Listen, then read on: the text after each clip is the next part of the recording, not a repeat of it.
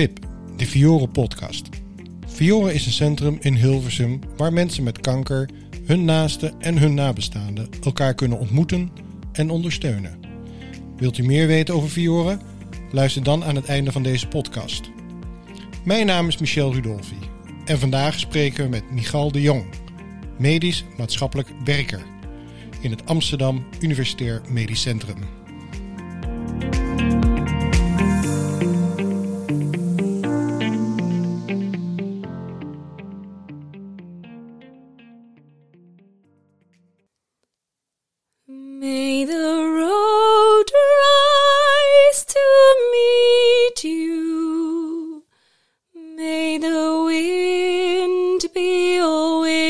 At your back. May the sun shine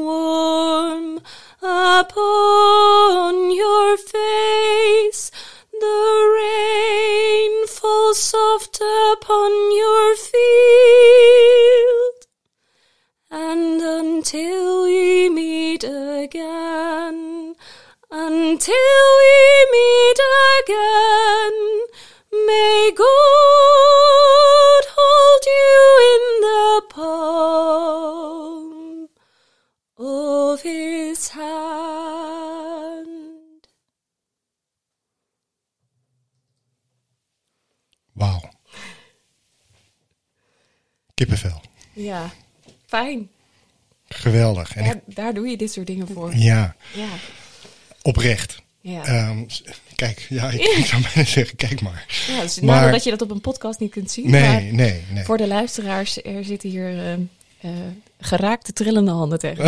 ja, ja, Wat ontzettend mooi is dit. Ja. Ehm, en ik hoop dat de luisteraars dit ook hartstikke mooi vinden. dat hoop ik ook. Ja, Michael de Jong, ja wat leuk dat ik tegenover jou zit om Ja. deze podcast op te nemen. insgelijks. En ik zou bijna zeggen, je moet er wat meer mee doen met dat zingen. Ja, oh, stiekem doe ik dat ook al wel een beetje hoor. Vertel. Ja. Nee, ik, eh, ehm, ik ben ooit eh, eh, als jong meisje na mijn middelbare school in de ambitie geweest om zangeres te worden. Ehm, dit heb ik op een conservatorium gepoogd na te streven. Gerealiseerd dat je daar eh, qua stemontwikkeling zeker verstandig nog wat ouder voor mag zijn. Omdat je stem gewoon nog niet klaar is met 16. Ehm, maar ook me gerealiseerd dat de wereld waarin muziek je vak is, het toch ook wel anders is. Eh, een, een, een vak is wel iets wat ook de brood, het brood op de plank moet brengen. Ehm, ja, en dat vond ik een wereld, kwam ik toen achter, waarvan ik dacht, ja, als ik dit wil, dan moet ik alles alleen doen. Dan moet ik het allemaal zelf maken, zelf doen. En ik ben echt een mensenmens. Dat leerde ik dus toen op hele jonge leeftijd in die zin echt wel eh, ontdekken. Dus ik heb besloten de muziek mijn eh, eh, hobby te houden. Ik heb het wel op hoog niveau nagestreefd. Ik heb in allerlei koren gezongen. En, dus dat heb ik wel gedaan. Ik heb wel de muziek altijd hoog in mijn leven gehouden. Ehm, maar ik ben daarna vervolgens wel vaktechnisch een andere kant op gegaan. Maar op dit moment eh, ehm, doe ik nog steeds altijd heel veel met de muziek. Ik zing samen met mijn schoonzus. Wij zijn een duo, eh, Amaveria. Ehm, en wij zingen met heel veel liefde en die passie, juist in dat ambitieuze amateursniveau, zeg maar. Ehm, doen wij met veel plezier op heel veel verschillende plekken zingen. Klassiek, maar ook wel lichte muziek. Dus dat. En waarom heb je dit nummer nu gekozen om hier te zingen? Ja, nou dat is wel echt. Ik was hier, ik was bij eh, Fiore. Ik ben daar hè, wezen kijken, ik kreeg een rondleiding en eh, in de wandelgangen of in de gang hoorde ik muziek de ruimte inkomen. Ehm, en daar was het koor van Fiore was aan het repeteren. En voor mij was dat een gevoel van, gevoel van thuiskomen. Want dit lied werd gezongen, wat ik ook al, nou ja, sinds mensenheugenis voor mezelf zeg maar ken. Eh, dus dit was voor mij 1 en 1 is 2. Dat, eh, ja, hoe de wereld van Fiore benut, hoe je met muziek zo helend kunt zijn. Ja, dan is dit ook een heel helend lied. Dus dat voor mij geweldig om even zo ook hier te mogen zingen. Want hier, ehm, we zitten nu in Kampen. Ja. bij jou thuis. Ja. Dank je voor deze gastvrijheid. Want we moeten de luisteraars eigenlijk ook een beetje verklappen dat we al een keer eerder met elkaar gesproken hebben. Ja, Alleen toen kwamen we na het einde erachter dat de techniek ons in de steek had gelaten. ja, techniek staat voor niks, maar soms. Ja, nou in dit geval, ik kom wel door de grond zakken. Maar goed, eh, dat soort dingen gebeuren. En ik ben onwijs blij dat notabene op jouw verjaardag, Ja. dat ik hier te gast mag zijn om, eh, om nog een gesprek met elkaar te voeren. Ja, Dank daarvoor alvast. ja heel erg Eh, welkom. want ik vond het de eerste keer hartstikke leuk en ik ben ervan overtuigd dat dit ook een fantastisch gesprek wordt. Eh Amaveria, Ja. Ehm, je zegt eh, klassiek, eh, ook in de kerk doe je dat. Ja. Je doet het als hobby. Ja. Maar hoe ga je daar, heb je daar toch nog een ambitie samen met je schoonzus? Ja, zeker wel. Kijk, wij hebben wel allebei gewoon een, een zoals wij dat dan altijd noemen, een gewone baan. Dus het moet wel te combineren zijn met de baan die het brood op de plank brengt. Eh, maar het is wel zeker zo'n grote hobby, zo'n grote passie van ons, dat het iets is waarvan wij zeggen, ja, eh, wij doen dit gewoon heel graag voor en met mensen. Ehm, dus wij, eh, we zingen in ieder geval eh, met enige regelmaat in kerkelijke setting. Ehm, wij zingen ook wel met enige regelmaat op uitvaarten. Dat vinden we ook heel dierbaar om te doen. Ehm, maar ja, het, het ook, we zouden het met heel veel liefde ook op huwelijken en andere feesten en partijen doen. Corona is ons eh, goedgezind geweest. eh, door, als in het heeft ons geholpen een goede, goede start en, her, en eh, zichtbaarheid te geven. Met name in de kerkelijke setting dus. Ehm, maar op gebied van de feesten en partijen is de corona natuurlijk niet heel helpend. Dus vandaar dat daar hebben we goede hoop in en goed enthousiasme in om daar ook nog die kant meer in te kunnen gaan doen. Ja, Nou ja, voor alle luisteraars die eh, in de toekomst eh, hier gebruik van willen maken, ehm, check de internet, zou ik bijna zeggen. Amaveria. reclame zo. Ja, Ja, nou dat mag best een keer. gelukkig. Nee, want de reden, de reden waarom ik jou ehm, eh, heb gevraagd om eh, samen te gaan zitten voor deze podcast is eigenlijk eh, jouw betaalde baan, zoals je dat net zei. Hè? De brood op de plank. Ja, Ehm, volgens mij is dat niet de, de, de, de, de, grote drijfveer, maar Nee. omdat je zei mensenmens. ja, Jij bent eh, medisch-maatschappelijk werker. ja, En ehm, in ons voorgesprek had ik dat ook al gezegd. Ik, ik zit al 30 jaar in de, eh, ben ik actief in de gezondheidszorg.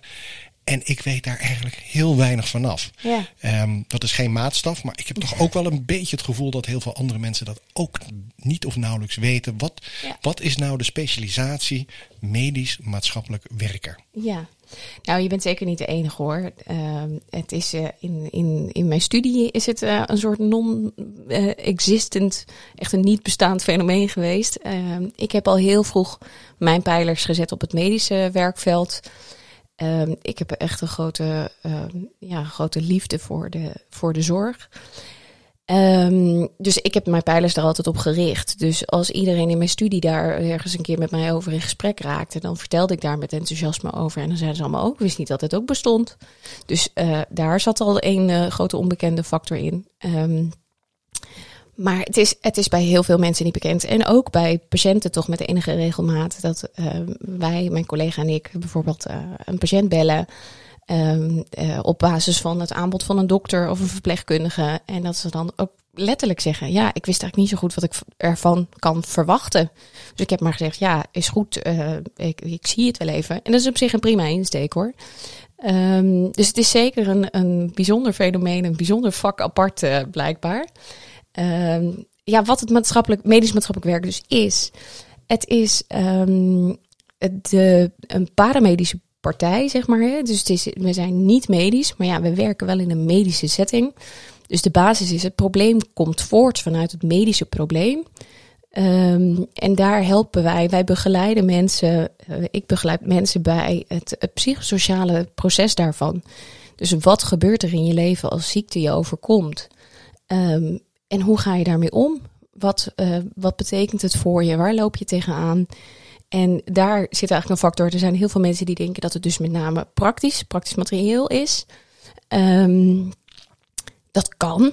Daar kunnen wij zeker natuurlijk ook met alle liefde bij helpen. Maar het is zeker, al dan niet allermeest, ook wel ontzettend het stuk van ja, wat gebeurt er eigenlijk? Ik, eh, ik, mijn leven raakt overspoeld door een ziekte. Ehm, en zeker in de oncologie is het natuurlijk, iedereen kent het fenomeen, je moet, je moet maar niet in je leven kanker krijgen. En ja, dan gebeurt het je toch.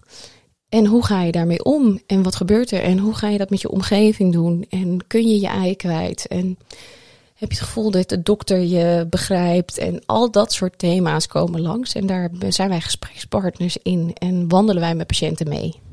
Ja, en even voor zeg maar, de beeldvorming. Jij, jij bent betrokken bij het Universitair Medisch Centrum Amsterdam. Ja. Hè? Ehm, eh, en jij zit op een oncologische afdeling. Hè? Kun je Ja. daar iets meer over vertellen? Ja, ik eh, ehm, werk samen met, een, eh, met één collega. We zijn met z'n tweeën maatschappelijk werkers voor de gynaecologische oncologie. Dus we hebben in het Amsterdam UMC hebben we ehm, de interne geneeskunde met de specialisaties oncologie. Maar we hebben ook een specifieke tak van sport in de gynaecologische oncologie. Dus ik werk ehm, specifiek met vrouwen met alle gynaecologische eh, eh, kankersoorten. Dus de baarmoederhalskanker, de eierstokkankers, ook vulvakanker. Ehm ja, eh, al die, die ziektebeelden, ehm, die, die, ja, daar, dat is ons specialisme. Ehm, dat is duidelijk. En ik, ik ga er dan heel even vanuit, maar je moet me corrigeren als ik die, die aanname dan verkeerd doe. Dat er bij andere eh, afdelingen eh, binnen de oncologie ook collega's van jou werken. Ja, klopt. Ja, zeker. Zeker. Binnen de interne geneeskunde lopen. eh, ehm, ik moet eerlijkheidshalve bekennen dat ik niet weet hoeveel er zijn. Want we zijn twee ziekenhuizen. We zijn gefuseerd ziekenhuis, de VU en het AMC. Ehm, en daar zijn dus ook in die fusies zijn ook transities gaande van dat de oncologie allemaal samengevoegd eh, gaat worden om krachten te bundelen. Ehm, maar ja, dus wat er in de VU loopt, daar heb ik eigenlijk nooit zo heel veel zicht op gehad, omdat ik daar amper tot nooit kom. Maar in ieder geval in het AMC loopt sowieso in ieder geval nog een collega en ik weet dat er in de VU ook. eh, dus we- binnen de oncologie is zeker binnen het Amsterdam UMC, ehm, eigenlijk wel bijna bij alle UMC's zijn er wel eh, ja, pijlers van dat, dat het eh, psychosociale zorg door maatschappelijk werkers eh, ondersteund wordt. Ja, super. Nou zei jij ehm, dat ehm, ook in de opleiding, maar ook in jouw omgeving toch weinig bekend is over deze specialisatie. Ehm, dat was ook een beetje mijn beeld. Waarom ben jij destijds van het conservatorium getriggerd? Eh, hoe, hoe kom je daarbij? Wat is jouw, hoe, hoe, hoe wist jij dat dan wel? Ja, dan ga ik mijn best doen om dat in de kortste versie te doen. Eh, ik ben Nee, heel goed in lang tijd. van, Oké, ik ben goed in lang van stof zijn hoor. Oh, dat was me nog niet opgevallen. Nee, hè? Nee. Ehm, eh, ik ben. eh, ik, voordat ik naar het conservatorium wilde, wist ik eigenlijk dat ik docent biologie wilde worden. Dus dat was eigenlijk mijn pijler. Ehm, dus toen ik merkte dat het conservatorium voor mij niet helemaal uitpakte wat ik ervan verlangde, ben ik teruggegaan naar, naar het verlangen om docent biologie te worden. En dat deed ik, dat wilde ik eigenlijk worden. Eh, daar zit al zeker een stukje basis in dit verhaal. Omdat ik een heimelijke liefde voor het menselijk lichaam eh, altijd heb gehad. Ik vond het interessant, ontzettend interessant hoe die processen in een lijf gingen. Ik vond het altijd heerlijk om die torso in het biologielokaal uit elkaar te halen, weer in elkaar te zetten en zo. Dus ehm, ja, daar zat een beetje vakidioterie eh, als het ware in. Dus dat ben ik eerst gaan doen. Ehm, er vervolgens achter komen dat de biologie, eh, wil je dat eh, doseren op het tweede graadsniveau, dan moet je op een dermate niveau de biologie beheersen. Wat voor mij ehm, eh, als een soort van tussen alfa en beta type inzittend toch wel een beetje hoog niveau beta werd. Dus daar ben ik op een gegeven moment mee gestopt, omdat het scheikundige onderdeel van de biologie heel erg te veel werd. Toen ehm, ja, moest ik opnieuw gaan bedenken, na het realiseren, oké, het consultorium is het niet, docent biologie is het ook niet. Wat ga ik dan nu wel doen? En toen ehm, kwam ik terug op het punt dat ik heb ooit een hele uitgebreide beroepskeuzetest gedaan. Kan ik iedereen aanraden met kinderen. Laat je kind screenen op eh, eh, eh, nou ja, intelligentie, maar ook vooral het grootste deel daarvan was persoonlijkheid. En daar kwam uit, je bent een mensenmens. Dat heb ik als 15-jarige uit die test eigenlijk al geweten. Maar ja, een 15-jarige wil niet altijd alle consequenties overzien. Ehm, dus toen eh, ehm, eh, kwam ik toch daar weer op terug. Met de goede support van mijn ouders. Die zeiden, ja, luister naar jezelf. Kijk naar wie je bent. Want je bent altijd jezelf ten grondslag van je beroep. Wat je ook maar kiest. En eh, toen ben ik daar verder op gaan oriënteren. En mijn moeder zat in de zorg. Ehm, wel op managementniveau, maar eh, liep zeker rond en had zo haar connecties. Dus die zei, weet je wat, ik wil met liefde voor jou een gesprek regelen met een maatschappelijk werker. die uh, in haar geval in de revalidatiesetting werkte, zei ze, ja, die kun je dan gewoon vragen wat, je, wat, je, wat zij bij dat beroep voorstelt en dergelijke. Dus dat heb ik gedaan. En toen kwam ik erachter dat ik dacht, dit is echt heel erg gaaf om te kunnen doen. Om mensen te mogen begeleiden die iets overkomt in het leven waar ze echt niet om gevraagd hebben. Waar ze eigenlijk in, waar, waar ze ook zelf niet voor gezorgd hebben. Um, ja, dat overkomt ze echt waar ze bij staan. En dan dat je dan met ze mee mag leven, mee mag denken, hoe zij kunnen kijken. Ja, hoe pak ik mijn leven toch weer op naar een niveau waarvan ik zeg: ja, dit is mijn leven en ik ben hier gelukkig in. Mooi. Neem mij verder mee in de vorm van wat, wat omhelst dat dan? Uh, zeg maar het werk wat je dan, dan doet, de mensen begeleiden. Waar begeleid je ze mee? Kan je voorbeelden geven? Ja.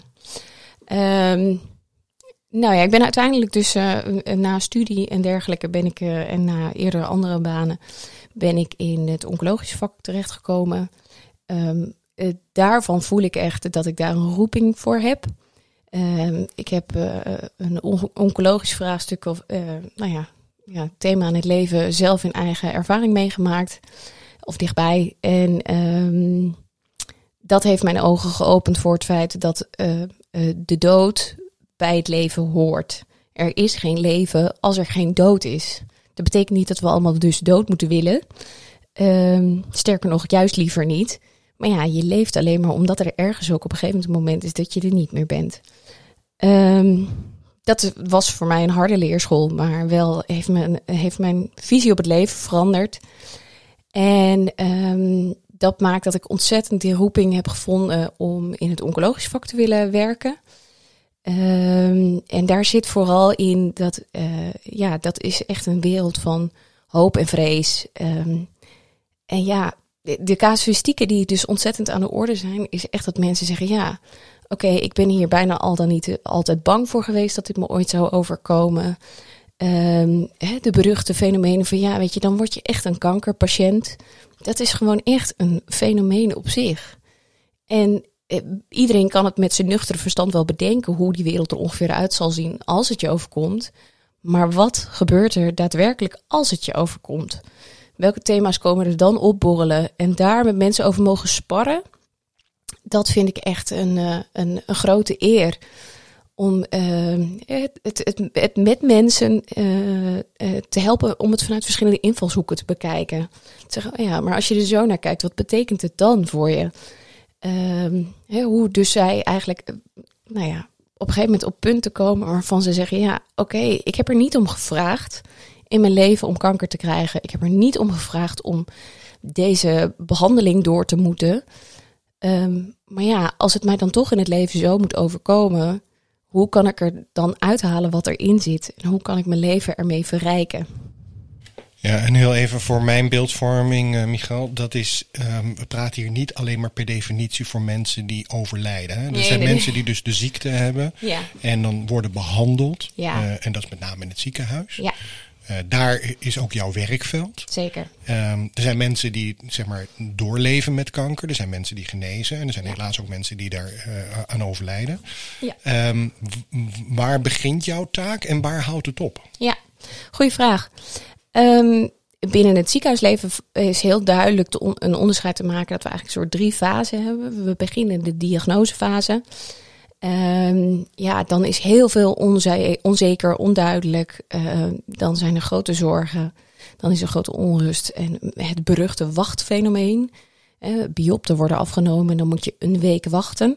Ja, dat is echt um, wat mensen echt vreselijk vinden. Dus daar begint, het, daar begint onze zorg en daar begint ook heel vaak onze begeleiding. Om toch dan al met mensen mee te denken. Te zeggen, ja, hoe ga je je gedachten verzetten? Want de tijd kunnen we niet versnellen. Um, en uiteindelijk, als een dokter zich zorgen maakt over dat het sneller, sneller moet, ja, dan wordt het ook wel uitgelegd waarom. Of uh, uh, ja, het valt of staat niet met een week. Maar zo voelt het wel voor de mens, omdat het is een tikkende tijdbom gevoel. Dus de diagnosefase, daar begint het. Dan hebben we, eh, daarna komt de behandelfase. Um, ja, dan gaan we iets doen um, in de focus van we gaan of deze ziekte uh, genezen Of we gaan deze ziekte zorgen dat die stil komt te staan of zoveel mogelijk teruggedrongen wordt. En zo lang mogelijk gaat stilstaan, zodat we levensverlenging kunnen creëren. Ehm, en dan eh, heb je daarna heb je vaak dus de nazorgfase. Zeker bij de curatieve behandelingen, dus de behandelingen waar we echt tot genezingen uh, voor, voor kunnen gaan. Dan is die behandeling geweest en dan, ja, dan ben je een soort van klaar.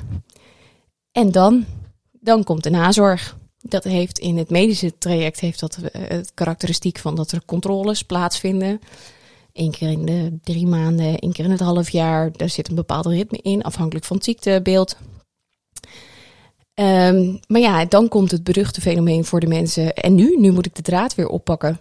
En hoe doe ik dat? En wat wil ik dan? En wat vind ik eigenlijk van dit leven? En uh, wat vindt mijn werkgever? En uh, nou, dus daar komen dan ook wel weer dat soort thema's langs. Uh, dus dat is de nazorgfase. Dus dat zijn, dat zijn de drie fases waar we heel erg in het ziekenhuisleven in zitten. En in de palliatieve zorg, als, het, als de ziekte niet meer geneesbaar is, dan, ja, dan zit er een soort van oneindigheidsfactor bijna een beetje in. Ja, we gaan natuurlijk voor een stukje uh, de ziekte weer stil laten staan en dan weer verder leven. En dan in de gaten houden of het niet ondertussen weer groeit. Dus dat heeft een beetje een golfbeweging van hoe we dan met mensen ja, meelopen. Um, en ja, dat zijn de, de, de, de, de fasen waar we echt heel erg onze zorg uh, in bieden. Die nazorgfase, dat betekent dat vaak de mensen al thuis zijn. Hè? Of ja. weer terug, zoals we dat noemen, de eerste lijn in, bij de huisarts ja. uh, aanwezig zijn. Ja. In hoeverre is dat contact dan nog als je vanuit het ziekenhuis werkt, hè? vanuit de tweede lijn? Ja, nou, dat heeft heel erg de karakteristiek. Um, kijk, in principe ligt de frequentie van de, van de controles bij de specialist, liggen daar wel ergens een stuk aan ten grondslag als je echt nog elke drie maanden naar je specialist gaat, dan is er dus een, dan is er dus een basis die zegt van ja, we willen je graag nog goed in de gaten houden. Want we willen gewoon zeker zijn dat het goed gaat. Um, dus daar kan de frequentie zodoende ook vaak wat hoger liggen. Dan is ook heel vaak nog niet echt het gevoel alsof mensen alweer terug bij de huisarts zijn, zeg maar. Um, maar daar is in het psychosociale vlak wel ontzettend zoeken met mensen en vooral horen waar heb je behoefte aan. Um, want ja, we kunnen het allemaal in het ziekenhuis doen, maar wij zijn een academisch ziekenhuis. Dus mensen komen ook van heine en verre um, om hun, behandeling in Amsterdam te krijgen. Maar ja, ben je dan ook gebaat bij je nazorg in Amsterdam? Of heb je behoefte aan uh, iemand of iets wat veel dichter bij huis is, waardoor je zegt, ja, daar kan ik zelf op de fiets heen. Of daar, uh, uh, ja, dat voelt gewoon voor mij prettig om dat dichterbij te hebben. Ik wil ook niet altijd meer terug naar dat ziekenhuis, want dat ziekenhuis associeer ik ook met een nare fase. En waar denk je dan aan als het op lokaal niveau is? Moet ik dan denken bijvoorbeeld aan uh, psycho-oncologische centra, waar, waar psychologen en psychiaters zijn, of inloophuizen, uh, of, of huisartsen, of waar moet ik aan denken? Ja, nou alles eigenlijk. Nee, ja, dat, dat is de kunst, denk ik, in het maatschappelijk werken ook. En op dat moment in de, in de ja, de, de relatie die je met de patiënt hebt, om echt te horen van ja, wat vind jij prettig? En de ene patiënt vindt het dus ook heel prettig om bij mij of bij mijn collega in Amsterdam te blijven. Um, en daar zit dus een bepaalde mate waarop dat he, uh, heel logisch kan zijn en heel erg uh, met elkaar zo gedaan kan worden. Ik ben ook een groot uh, gelover in het fenomeen van dat het ook een natuurlijk beloop heeft. Er zit vaak vanzelf een transitie in waarin je voelt, het gaat wel oké, ik kan de draad van het leven wel een beetje oppakken. Ik vind het fijn om uh, bijvoorbeeld juist alleen nog maar uh, uh, wat laagdrempelig in mijn omgeving wat te vinden. Maar in de, in de, de thuisomgeving zit zeker, zitten de psycho-oncologische centra zijn een grote partij die heel prettig kunnen zijn. Um, huisartsen verwijzen heel vaak naar hun praktijkondersteuners. Dat kunnen hele prettige hulpverleners zijn. ik ken ook helaas wel ook verhalen van mensen die, ze, die daar niet hun ei kwijt kunnen. Dus dat is altijd heel erg zoeken van ja, wat is eigenlijk hetgene wat je ervan verlangt? Want we kunnen wel te pas en te onpas naar iets of iemand verwijzen. Um, maar het is een hele stap om te maken. Om eigenlijk dan, nadat je een heel traject in een ziekenhuis hebt gehad, met allemaal vertrouwde gezichten die jouw hele verhaal van begin tot eind hebben gekend en meegemaakt hebben, om dan naar iemand anders toe te gaan en daar je verhaal te moeten gaan doen. En daar te gaan ontdekken heeft dezegene een verbinding met mij? Kan, snapt hij waar ik het over heb en kan die mij daarbij helpen? Heel praktisch, hè? Ik kan mij zomaar voorstellen dat er misschien mensen zijn die nu luisteren en die zeggen van, ik heb, hè, ik heb ook kanker of ik heb kanker gehad. Ik wist hier helemaal niks van. Hadden we net ook al heel eventjes over. Ja. Hoe als, als wij nu, hè, stel dat ik morgen gediagnosticeerd word daarmee, ja. ehm, wo- wordt dat dan automatisch aangeboden of moet ik daar actief naar vragen? Ik zal altijd adviseren, vraag er actief naar. Dat is een van de nadelige dingen in de zorg en volgens mij wel in alles in het leven. Niks is vanzelfsprekend en niks komt vanzelf. Ehm, dus het is zeker de kunst om te vragen. Ik denk dat in het gesprek met eh, Jannie Oskam kwam dat ook al wel even te sprake. Ehm, ja, het is ook per ziekenhuis anders en dat maakt het zo ingewikkeld. Er zijn verschillende visies in de zorg over hoe we psychosociale zorg inrichten. Dus sommige ziekenhuizen doen dat met verpleegkundige specialisten. Ehm, andere ziekenhuizen hebben maatschappelijk werkers. Andere ziekenhuizen hebben weer, die zetten daar bijvoorbeeld juist weer de psychologen op. Ja, dat is, daar, die discussie hoeven we niet voeren, voeren maar ehm, eh, er, daar zijn allerlei verschillende dingen in. En dus het ligt ook een beetje aan in welk ziekenhuis je terechtkomt. Ehm, dus ik zou zeker altijd zeggen, vraag ernaar. Want baat het niet, schaadt het niet. Al is het maar dat je even kennis gemaakt hebt. Dat voelen en hoor ik toch heel vaak in mijn werk. Dat mensen zeggen, ja, ik heb jou één keer gezien. Toen had ik het op dat moment niet nodig. Maar ik vond het fijn om te weten dat je er was. En op een later moment merkte ik ineens dat ik dacht, jee, wat moet ik nu? Hoe, dit gaat gewoon niet goed met mij. Ik heb hulp nodig. En, ehm, en toen dacht ik, oh ja, wacht even. Er loopt een maatschappelijk werker in het ziekenhuis. En die heb ik gezien en dat vond ik wel een prettig type. Daar ga ik eens eventjes contact mee leggen. Ik heb een visitekaartje gekregen. Laat ik maar bellen. Het blijft altijd een stap om te zetten. Maar als je dat contact maar hebt, dan is die, dan is die stap toch een stukje kleiner. eh, vaak dan, dan dat je echt denkt, ja, en dan wordt het tasten in het duister. Terwijl je al in het duister ontzettend aan het zoeken bent en aan het overleven bent. Nou praat je hier met heel veel passie over. Ehm, Het spat er gewoon vanaf. Dat kunnen de luisteraars ook niet zien, maar dat kan ik gewoon bevestigen bij deze. Ehm, maar ik kan me ook heel goed voorstellen, omdat je dan heel veel van dat soort problemen, ja, probleem is niet het juiste woord, maar dit soort onzekerheden, Ja. vragen eh, tegenkomt. En niet eenmalig, maar gewoon dagelijks. Hoe ga je er zelf mee om? Eh, waar precies mee? Nou ja, met, met, met, zeg maar, ik kan mij voorstellen dat dit soort dat dat heel veel indruk eh, Ah, ja. eh, een beetje Ja. eh, achterlaat. Ja. Ehm, eh, zoals, een, zoals een dokter die, die ook patiënten behandelt. En Ja. gegeven moment daar natuurlijk ook professioneel mee om moet gaan. En, en sommigen die zijn in staat als ze naar huis toe gaan dat naast zich neer te leggen. Anderen nemen het mee naar huis toe. Hoe ga jij ermee om? Ja, dat is een vraag waar ik eigenlijk altijd hetzelfde antwoord op geef. Namelijk dat ik raar genoeg niet helemaal het antwoord weet. En toch heb ik altijd een antwoord. Dus het is best wel een beetje een, beetje vaag fenomeen. Ehm, bij mezelf voel ik dat dat gewoon zo gaat. Ehm, in mijn geval, ik heb best wel even een eindje, een tijdje woon-werkverkeer, reistijd. Dus dat geeft me ook echt wel een stukje tijd om gewoon even mijn gedachten te verzetten. In mijn geval, ik reis ook met de trein, dus ik doe muziek in.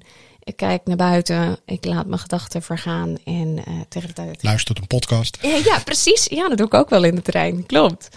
Ehm, hè, en dan tegen de tijd dat ik thuis ben, merk ik dat ik toch veelal die thema's, eh, als ik ze met me mee blijf dragen, als ze bij me echt een beetje blijven plakken, dat ik ze wel kwijt ben. Ehm, maar goed, we zijn allemaal mensen ehm, in dit vak. Je merkt ook, iedereen in dit vak kent, er zijn altijd casuïstieken die één keer een keertje langskomen, dat je denkt, shit, dit raak ik niet zo gauw kwijt. En dan ehm, hebben we zeker, eh, omdat we juist als zorgverleners in dit specialistische vak zitten, dat je heel erg voelt van we kunnen in ieder geval bij elkaar een ei kwijt. Je kunt altijd een collega opzoeken en zeggen, joh, ik, ik- dit raakt me gewoon zo. Er wordt ook altijd oog voor elkaar daarin gehouden. Ehm, we hadden afgelopen week een overlijden op de afdeling. Ja, dan is iedereen op waakzaam van ja, gaat het goed met iedereen? Heeft iedereen eh, de ruimte om, eh, eh, om zich gewoon te voelen zoals die zich wil voelen en kan die, kan die kwijt van wat er toch nu allemaal gebeurt. Want het is wel overweldigend. Ehm, ja, in mijn geval, ik doe het dus veelal met muziek. Dat is voor mij altijd een helpende partij. En ehm, ja, als ik merk dat het toch blijft hangen, dan is het mijn verantwoordelijkheid om daar hulp bij te zoeken. Omdat het uiteindelijk is het altijd onze eigen verantwoordelijkheid om te erkennen, om te herkennen en te erkennen. Het gaat niet goed met mij. Ik moet hier even wat mee. Ja, mooi dat je dat zo, uh, zo kan omschrijven. Ja. Nou noemde je even eerder in het gesprek, um, eigenlijk helemaal aan het begin, dat een motivatie van jou was iets wat er in je persoonlijke sfeer had, uh, um, ja, wat je had meegemaakt. Ja. Nou weet ik dat je daar bereid bent om over te vertellen. En Ja. volgens mij is er ook een relatie met iets waar ik met heel veel um, uh, belangstelling en in, ja, het, het, het, naar kijk. En dat is namelijk een fantastisch mooie uh, tatoeage op jouw onderarm. Ja. Zou je dat kunnen proberen te beschrijven voor de mensen die dat, dat beeld nu niet voor ogen hebben? Ja, zeker. Maar wel het feit dat je zo mooi kan praten. ja. Misschien ook al zingen. ja, precies. Zomaar niet het- ja, precies. Ja, hoe heet het? Kan je daar wat meer over vertellen? Zeker, zeker. Ehm, ja, ik kan er heel eerlijk over zijn. Ik, ehm, ik vind het ook echt belangrijk dat, dat mensen ehm, die, zo, die in een vak zitten als de oncologie, eh, als je zo'n persoonlijke ervaring hebt, dat je er geen soort van staatsgeheim van maakt. Want we zijn allemaal mensen en er is een reden waarom je je ergens toe geroepen voelt. Ehm, ik ben altijd zoekend geweest. Dat ik, ik, ik vind de drijfveer van ja, ik heb het zelf meegemaakt, dus ik wil er graag wat mee. Eh, dat vind ik altijd een moeilijke drijfveer. En in mijn geval is dat dus ook zeker niet het geval. Ehm, in mijn geval is het zo, mijn vader is overleden aan kanker. Ehm, en wat ik al zei, het heeft mijn eh, eh, kijk op het leven ontzettend veranderd. Omdat ik weet echt nog heel intrinsiek te voelen dat voordat mijn vader de diagnose kreeg en overleed, ehm, ik echt werkelijk niks van de dood wilde weten. Dat was voor mij echt niet bespreekbaar. Dat, dat mocht er niet zijn in het leven.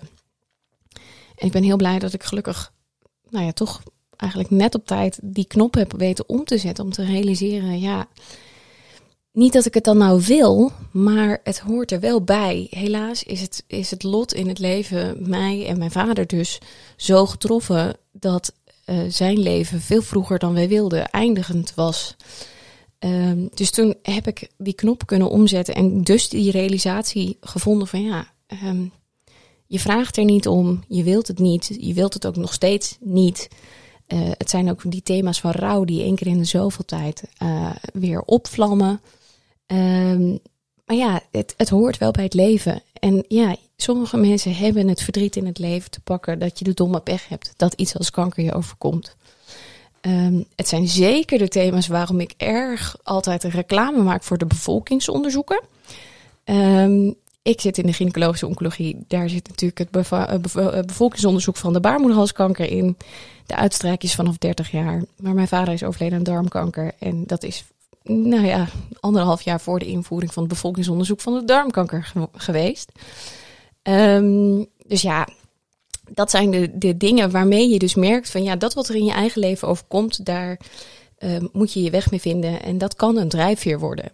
En in mijn geval is het dus de drijfveer geweest waarop ik weet dat het leven ja, gaat zoals het gaat. En de tatoeage op mijn arm, dat is een boom. Um, dat is ook niet voor niets. Ik um, heb ooit een ontzettend mooi verhaal gehoord van Manu Kierse, hoogleraar verlieskunde aan de Katholieke Universiteit in Leuven. Uh, en dat ging over bomen. En uh, dat heeft mij zo geraakt, dat heeft mij zo geholpen in mijn eigen rouwproces. En in de realisatie van het leven dat uh, wij zijn vergelijkbaar met bomen. Wij zijn allemaal, je kunt jezelf vergelijken met dat je zelf een boom bent. En wij allemaal met elkaar één heel groot bos vormen. Um, maar ja, zoals de natuur zo eigen en zo zelfbepalend is. Op het moment dat we hier zitten te praten, stormt het buiten en ligt er hier voor ons huis ook een boom omgewaaid van vannacht. Uh, ja, er overkomen je dingen. Wat, wat doe je als jij door een hele forse storm in het leven een tak verliest? Een hele grote, belangrijke tak. Um, ja, daar, het verhaal is daarover dat er drie verschillende soorten bomen waren in dat verhaal. En de ene uh, wilde niks meer van het leven weten, kon alleen maar verdrietig zijn. En een paar jaar later vind je die boom ook niet meer terug. Die is zo verpieterd, is zo verdwenen. En een andere boom heeft besloten, ik wil wel doorgaan, maar je mag er niet naar vragen. Ehm, en die groeit wel door in een bepaalde mate en een bepaalde vorm. Maar ja, zit wel altijd gedrukt onder dat litteken van die verloren tak. En de derde boom, die ehm, zegt in het eerste jaar, wanneer de zon in de lente weer opkomt, zegt hij, nu nog niet, ik ben hier nog niet aan toe. Het doet me gewoon nog te zeer en ik heb nog even tijd nodig. En wanneer de lente het jaar daarna weer terugkomt en de zon doorkomt, dan zegt die boom: Ja, zon, kom maar en verwarm mij opdat ik mag helen. Die zin is voor mij heel magisch en heel erg waar. En die boom in het verhaal staat erom bekend om op een gegeven moment de grootste en de mooiste boom te zijn. Die ergens, als je goed zoekt, dat litteken nog wel heeft, maar niet zo prominent meer. Het kan bijna geen toeval zijn dat ik nu aan, in jouw bibliotheek tegen een waanzinnig grote boom aan het kijken ben op de muur. Ja. Uh, dat is geen Klopt. toeval, neem ik aan. Nou, ik moet eerlijk bekennen, eigenlijk wel. Want het behang hing er al toen wij hier kwamen wonen. Maar wij hebben het heel bewust laten hangen. Omdat we van de verschillende behangen die er in dit huis hingen, deze als enige. En dus wel heel logisch van, dit is een boom. Die heel erg mooi op deze muur uh, uh, opgeplakt is. Ja, die vonden wij echt heel mooi. Omdat die boom ja, echt wel een heel bijzonder symbool in het leven is. En hier aan de overkant staat een foto van mijn vader. Dus die boom en die vader van mij, die staan hier zo naar elkaar te kijken dag in dag uit. Dus ja, het is in een bepaalde mate wel toeval, maar toch ook niet helemaal. Fantastisch. We gaan uh, langzamerhand naar een af, uh, afronding toe, uh, Michal. Wat ik buitengewoon jammer vind, want ik heb het gevoel dat we nog uren kunnen praten hierdoor. Ik maar vrees het ook, ja. Het risico dat dan mensen gaan afhaken is ook misschien groot. Ja. Um, als ik nu zeg maar, jou, naar jouw verhaal ga luisteren, dan, dan, dan hoor ik jou één grote pleidooi houden voor de psychosociale ondersteuning, psychosociale ja. zorg. Ja. Um, dan ga ik toch een beetje naar, naar de vraag toe van. Als, hè, we zitten nu midden in de, in, in de formatie van het kabinet. Ja. Um, daar moeten natuurlijk allerlei afspraken gemaakt worden. Als jij nu um, het voor het zeggen had en Ja. je zou uh, de, de, de minister-president, wie er dan ook mag worden, uh, adviseren. Ja. Wat, wat zou hij of zij moeten doen om die psychosociale zorg, nazorg of ondersteuning uh, verder op de kaart te brengen? Ja, dat is een hele goede, hele interessante vraag. Um, ik vind politiek wel interessant, maar ik vind het ook heel ingewikkeld. Um, ja, kijk, het draait natuurlijk altijd overal om geld. En ik snap wel, we hebben niet een oneindig potje geld. Zo bestaat het gewoon niet.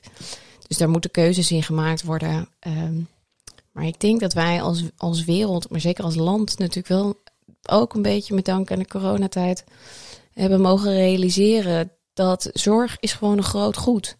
Het is gewoon een heel erg menselijk. Uh, ja, het is bijna een soort basisbehoefte. Dat je, je moet ergens een beroep op kunnen doen als iets in het leven overkomt. We worden allemaal steeds ouder.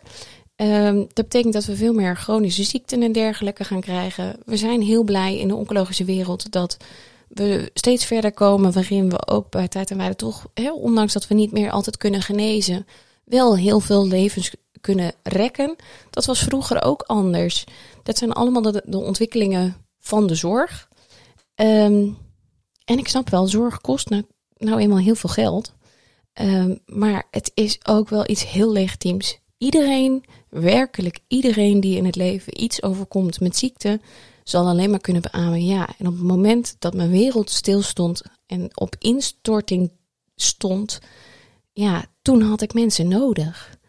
En dan heb je de dokters nodig en de verpleegkundigen. Maar dan heb je ook zeker de psychosociale ondersteuning nodig. Want het, ja, je weet niet wat je overkomt totdat je het je overkomt. Nou, mooie pleidooi zou je niet kunnen maken. En dat gaan we proberen te over te dragen aan Den Haag. Zodat ze daar hopelijk in alle wijsheid uh, de volgende stappen kunnen maken. Ja, graag. Ik vond het een. Ja, ik vond echt het weer fantastisch om met je te praten. Fijn. Uh, Dank. Als het aan mij ligt, gaan we dat elke week doen. Maar ah. zo werkt dat niet. Helaas. Je bent welkom hoor. Nee, en dank je wel daarvoor. Um, ik wil je heel hartelijk bedanken. Ja. Um, en ik hoop uh, oprecht dat we elkaar uh, paden nog tegenkomen. In een positieve zin. Zeker. Graag. En, Niet um, in de werkzetting, nee. En wat ik jou ehm, wil toewensen is, ehm, want ik, hè, en dat mag ik volgens mij wel vertellen, Ja, eh, je bent zwanger. ja. Ehm, dat je een mooie zwangerschap hebt en een, dank. straks een fantastisch geboorte van een heel klein mooi mensje. Ja, en ja, dat je gewoon met al die passie en die gedrevenheid die ik hier eh, zie en hoor, eh, dat je je werk mag doen. En ik hoop je nog in de toekomst ergens in de hitparade tegen te komen met je mooie zang. ik, dit klinkt allemaal als hele goede vooruitzichten. Ja, ik eh, doe het heel graag. Ik eh, kijk er ontzettend graag naar uit. Dankjewel. In Select.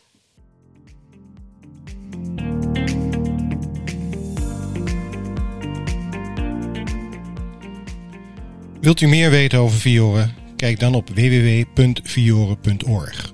Ook als u tijd, dan wel geld wilt doneren. Heeft u suggesties voor interviews of eventueel commentaar? Laat het mij weten via info.vioren.org. Ten slotte, vond u deze podcast de moeite waard? Deel de link dan met familie, vrienden, kennissen en collega's. Hartelijk dank.